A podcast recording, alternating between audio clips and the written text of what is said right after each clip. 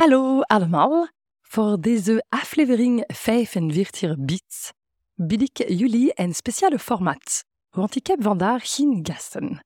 Ik neem alleen het woord om met jullie te praten over deze eerste 22 afleveringen in het Nederlands. Jullie kunnen natuurlijk deze afleveringen vinden op je gebruikelijke luisterplatformen. Dus voordat ik je erover vertel, wil ik eerst iets zeggen over het ontstaan van deze podcast en waarom ik hem pas een jaar geleden heb gelanceerd. Met dit project wil ik in contact komen met uh, mensen uit de sector, discussies op uh, gang brengen, ideeën uitwisselen. Ik wilde en ik wil nog steeds weten wat er zich afspeelt achter de mooie visuals op Instagram, achter bepaalde artikelen dat ik uh, zelf vind te feitelijk of te poëtisch. Ja, een voorbeeld. Een artikel over Marie Marten die zou spreken over haar verkooppunten in Japan, zonder niks meer te zeggen. Ik wil weten waarom, hoe heeft ze uh, Japanse verkooppunten gevonden, dankzij een partner is ze naartoe gegaan. Ik lees ook soms artikelen die zijn heel ja, inspirational over de designerwereld. En dat vind ik best ook interessant, maar ik mis altijd de commerciële realiteit. Want ik ben een pragmatisch meid en ik wil weten hoe, en, hoe het idee komt en hoe maak je van een idee en collectie en dan een distributie. Want het klinkt heel mooi soms in de artikels als je het zo zegt, maar geloof me, het is veel ingewikkelder dan dat. Dus voilà, ik ben geen journalist, ik ben een sales-expert in de modesector. Ik werk al 20 jaar en ik ben er echt gepassioneerd over.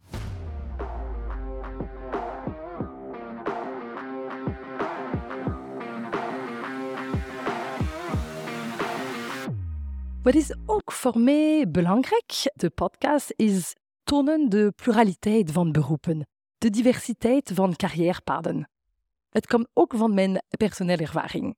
Want inderdaad, toen ik 15 was, had ik geen idee wat er hand was in de modewereld. Ik voel me er heel door aangetrokken, maar ik ken de codes niet, ik wist niet hoe ik erin kon komen. Niemand in mijn familie van dichtbij of afstand had contacten in deze sector. Dus hoe ben ik in de modewereld begonnen? In mijn geval was in Parijs en hij was door stage. Ik moet toegeven dat in Parijs is vrij gemakkelijk om uh, stage te vinden. Ik was 19 en ik ben begonnen bij Paul Smith in de persafdeling van uh, Paul Smith. Dan heb ik uh, de kans gehad om bij Burberry te werken en dat was in de salesafdeling, in de showroom. Ik vond dat heel interessant. En dan ben ik begonnen bij Chloe, waar ik mijn eerste contract heb getekend. Maar toen ik op 25 leeftijd in België aankwam, wil ik niet meer stage doen, wil ik mijn boterham verdienen. En voilà, de stageoptie was niet langer een optie voor mij. Dus om de waarheid te vertellen, ik ging terug naar een baan als verkoopster.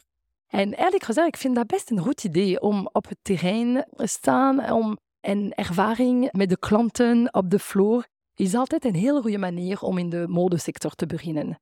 Dat was voor mij bij Yoji Yamamoto. Ik had gehoord dat Yoji Yamamoto, de Japanse designer, zou een winkel openen in uh, Antwerpen. En de recruitment was via Parijs. En ik heb dat kunnen doen. En dat was voor mij duidelijk mijn paspoort naar België. Want toen, 15 jaar geleden, had ik inderdaad geen Nederlands en niemand was op zoek voor een Français die enkel Frans en Engels spreekt. Dus eigenlijk gezegd, zelf een baan in een winkel was best moeilijk te vinden. Dus voilà, Yoji Yamamoto was superleuk en was voor mij een paspoort naar België. Ik ben daar negen maanden gebleven en dan heb ik elf jaar bij New Look Fashion Deal uh, gewerkt. New Look Fashion Deal is een salesagentuur op de Benelux-markt.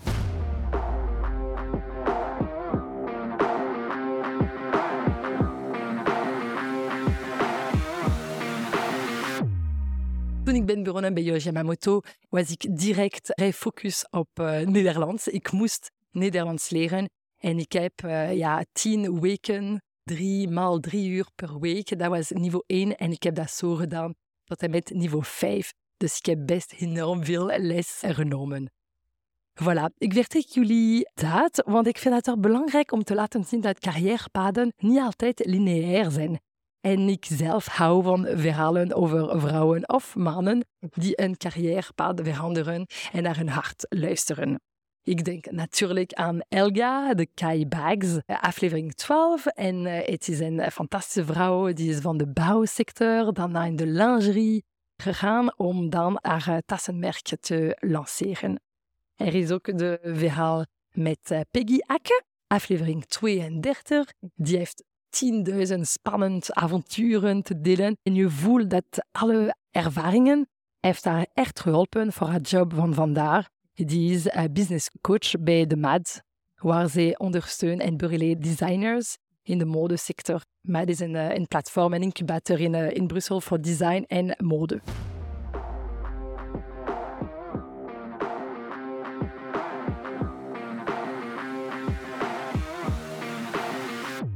En wat kan ik nog zeggen over het ontstaan van deze podcast? Ik heb vorige week een post geschreven op Instagram, dat was in het Engels, over de belang van actie.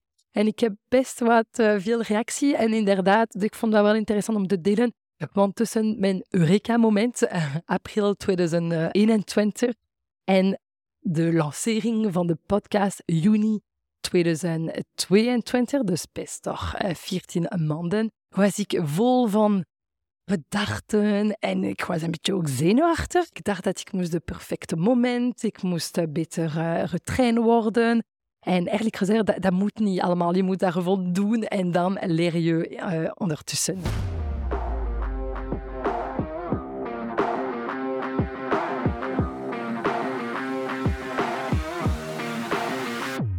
Dus nu zijn we één jaar verder. Uh, er zijn 45 afleveringen in het totaal, 23 in het Frans en 22 in het Nederlands. Met verschillende categorieën. Dus nu over de Nederlandstalige afleveringen spreek ik nu over de ready-to-wear categorie, de kledijlijn. Met nummer 1 was Matthias van Cler, aflevering 3. Matthias is een heel leuke jongen. En hij vertelt zijn verhaal achter zijn sweater en t-shirt, uh, merk waarmee hij met heel veel humor het Antwerpse dialect in de verf zet.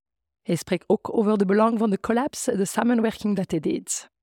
Dan heb je aflevering 16, Laurent Bokstal, dus een van mijn collega's. Dat was in feite mijn general manager bij New Look Fashion Deal.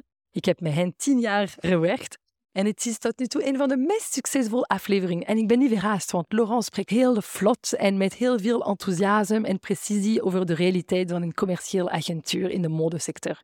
Het is zeer de moeite waard voor alle ontwerpers die ervan dromen om met een agent te werken. Dan heb je Jura Straka, aflevering 24. Het is in het Engels en het is een ongelooflijke verhaal. Jourage is textieldesigner. Hij heeft negen jaren in Frankrijk gewerkt bij Buckel, de, de laatste textielfabrikant uh, die nog bestaat in Lyon. En hij is ook hoofdprintdesigner geweest bij Schiaparelli in Parijs en dan bij Dries van Noten. Nu werkt hij als zelfstandig als textieldesigner voor de mooie huizen van uh, België. Een merk zoals Nathan, Essentiel, Meryl Roch super goed bezig en het is echt een mooie persoon. Dan heb je Ellen Kegels, aflevering 25. Ellen is een uh, ja, zeer bekende vrouw. Ze heeft een heel mooie community opgebouwd. En ze vertelt met eerlijkheid alle avonturen en moedige beslissingen dat ze heeft uh, genomen voor haar nu enkel online knitwear en ook batik collectie. Die was hard, maar ze heeft ook haar buikgevoel, haar intuïtie en ik vind haar zelf heel inspirerend. Dan hebben we aflevering 26 met Elodie Ouedraogo, heel bekend, bijna een BV. En het is ook super interessant om naar Elodie te luisteren. Hoe is ze van atleet naar ondernemster? Hoe is ze in de modewereld toegekomen? Hoe moeilijk is dat? Hoe hard moet ze werken om haar plek ook eh, te vinden? En het is een heel leuke aflevering. Dan heb je Julie Wets van GoFluo, aflevering 28. Een heel boeiende verhaal Iemand die heeft echt eh, de bodyglower leuk gemaakt van iets die belangrijk is. Een fluo zichtbaar te zijn in de donker, maar toch met eh, glitter en tormooi en fashion. Ze heeft echt een mega succes gemaakt en ze is nu bezig om naar Amerika te gaan. Het is super inspirerend om naar haar te luisteren.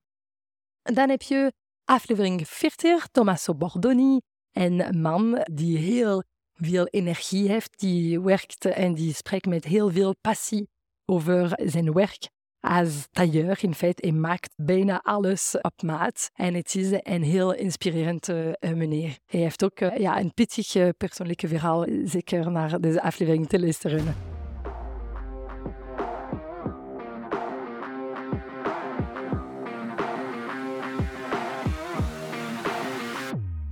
Dan in de categorie lingerie heb je Oyaz, Lor, aflevering 14. Dat was voor mij een grote ontdekking. Het is een merk die staat voor LC Underwear. Dat looks hot and keep you fresh. En het is een super leuke verhaal. Dan in de aflevering 30 kunnen we naar Ophelia luisteren. Ophelia heeft ook een prachtig winkel in de Kloosterstraat. En het is heel interessant voor mij om te zien hoe ze zo gealigneerd tussen wat ze doet, wat ze mooi vindt, wat haar product, haar winkel. Ik vond dat heel mooi, heel coherent. En het is uh, zeker een uh, voorbeeld voor mij. Ophelia Lingerie.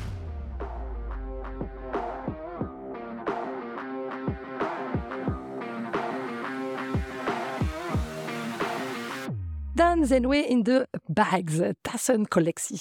Met aflevering 7, Pascal Stalens, zij is officieel directeur van Clio Goldbrenner, maar zij is ook veel meer dan dat.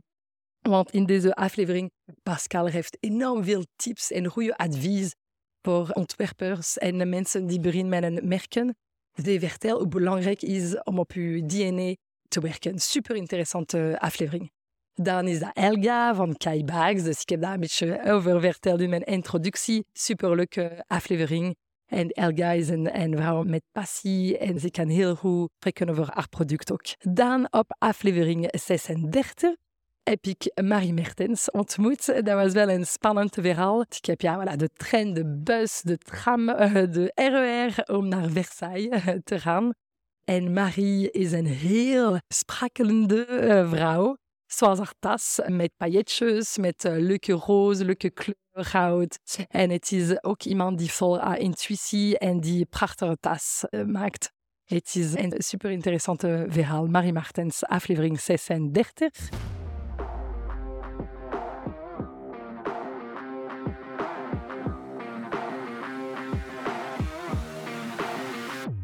Dan zijn we op de schoenen. Voor de schoenen hebben we Anne van Anzi, aflevering 20. Zij maakt uh, schoenen voor kleine, kleine voeten en grote, grote voeten. In feite voor alles. Voor iedereen van 34 tot en met 41. En dat komt van zelf haar verhaal. Zij heeft zelf kleine voeten. En het is heel interessant hoe ze dat van scratch begonnen. En het is een vrouw met een missie en je voelt het en het is super interessant gedaan voor de schoenen hebben we Robin en Robin, aflevering 34 van Leenertsen Schoenen. En met een Limburgs accent vertellen ze over ja, een passie over de producten, de ontwikkeling van de schoenen, alle verhaal achter de schermen, de producten dat je moet eh, ontmoeten. En het is eh, super interessant om naar hen te luisteren.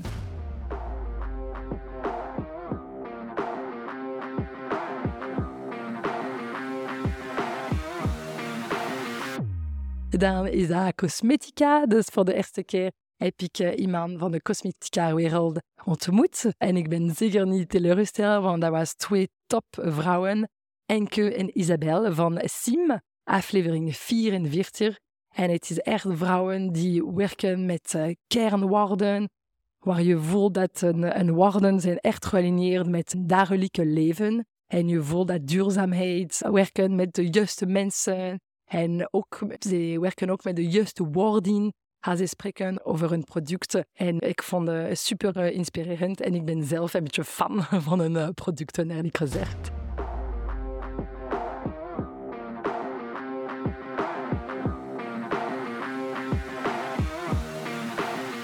En dan hebben we vier laatste afleveringen dat ik een beetje in een aparte categorie gestoken. We vertrekken vanuit een andere perspectief met Elke Timmerman, aflevering 9. Zij werkt nu bij Flanders DC, was vroeger bij MAD en ook heeft gewerkt voor de Fashion Council of Germany. En we spreken met Elke over het belang van de subsidies en van de, de politicus uh, in de modesector.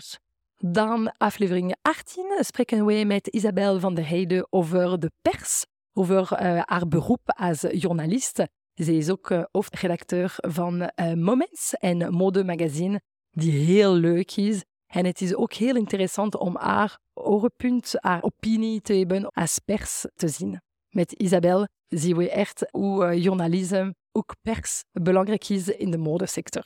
Dan Dot Society, Caroline de Bruin en Céline Vermeulen, aflevering 22. Het is mega rijk als aflevering. Je kan enorm veel leren. Ze spreken over de digitaal, hoe belangrijk is de digitaal in de modesector. Ik heb zelf enorm veel bijgeleerd en ik ken ook vrouwen die hebben dat en meisjes die merken hebben, die hebben twee keer, drie keer naar die aflevering met Dot Society geluisterd. Want het is inderdaad free advies van echt expert van de digitale wereld. Dan aflevering 42 met Jasmin Verlinden, en brand architect. Die heeft ook enorm veel tips over uw merk DNA en hoe kan je van een collectie naar een merk gaan. Super interessant. Dus voilà, we zijn rond. In juli en augustus zijn de moment uh, voor het eruitzenden van de beste afleveringen van de afgelopen jaar. En dan vanaf september kom ik met uh, een verrassing voor de Nederlandse talige afleveringen. En heel veel leuke interviews, heel veel leuke mensen dat ik nou met heel veel plezier ontmoet. Als jullie willen met mij spreken over een merk, over een project, jullie kunnen mij altijd contacteren via Instagram. Onder uh, mijn pagina die noemt we underscore love underscore Belgian underscore brands. Voilà, ik hoop dat het interessant voor u was. En tot ziens!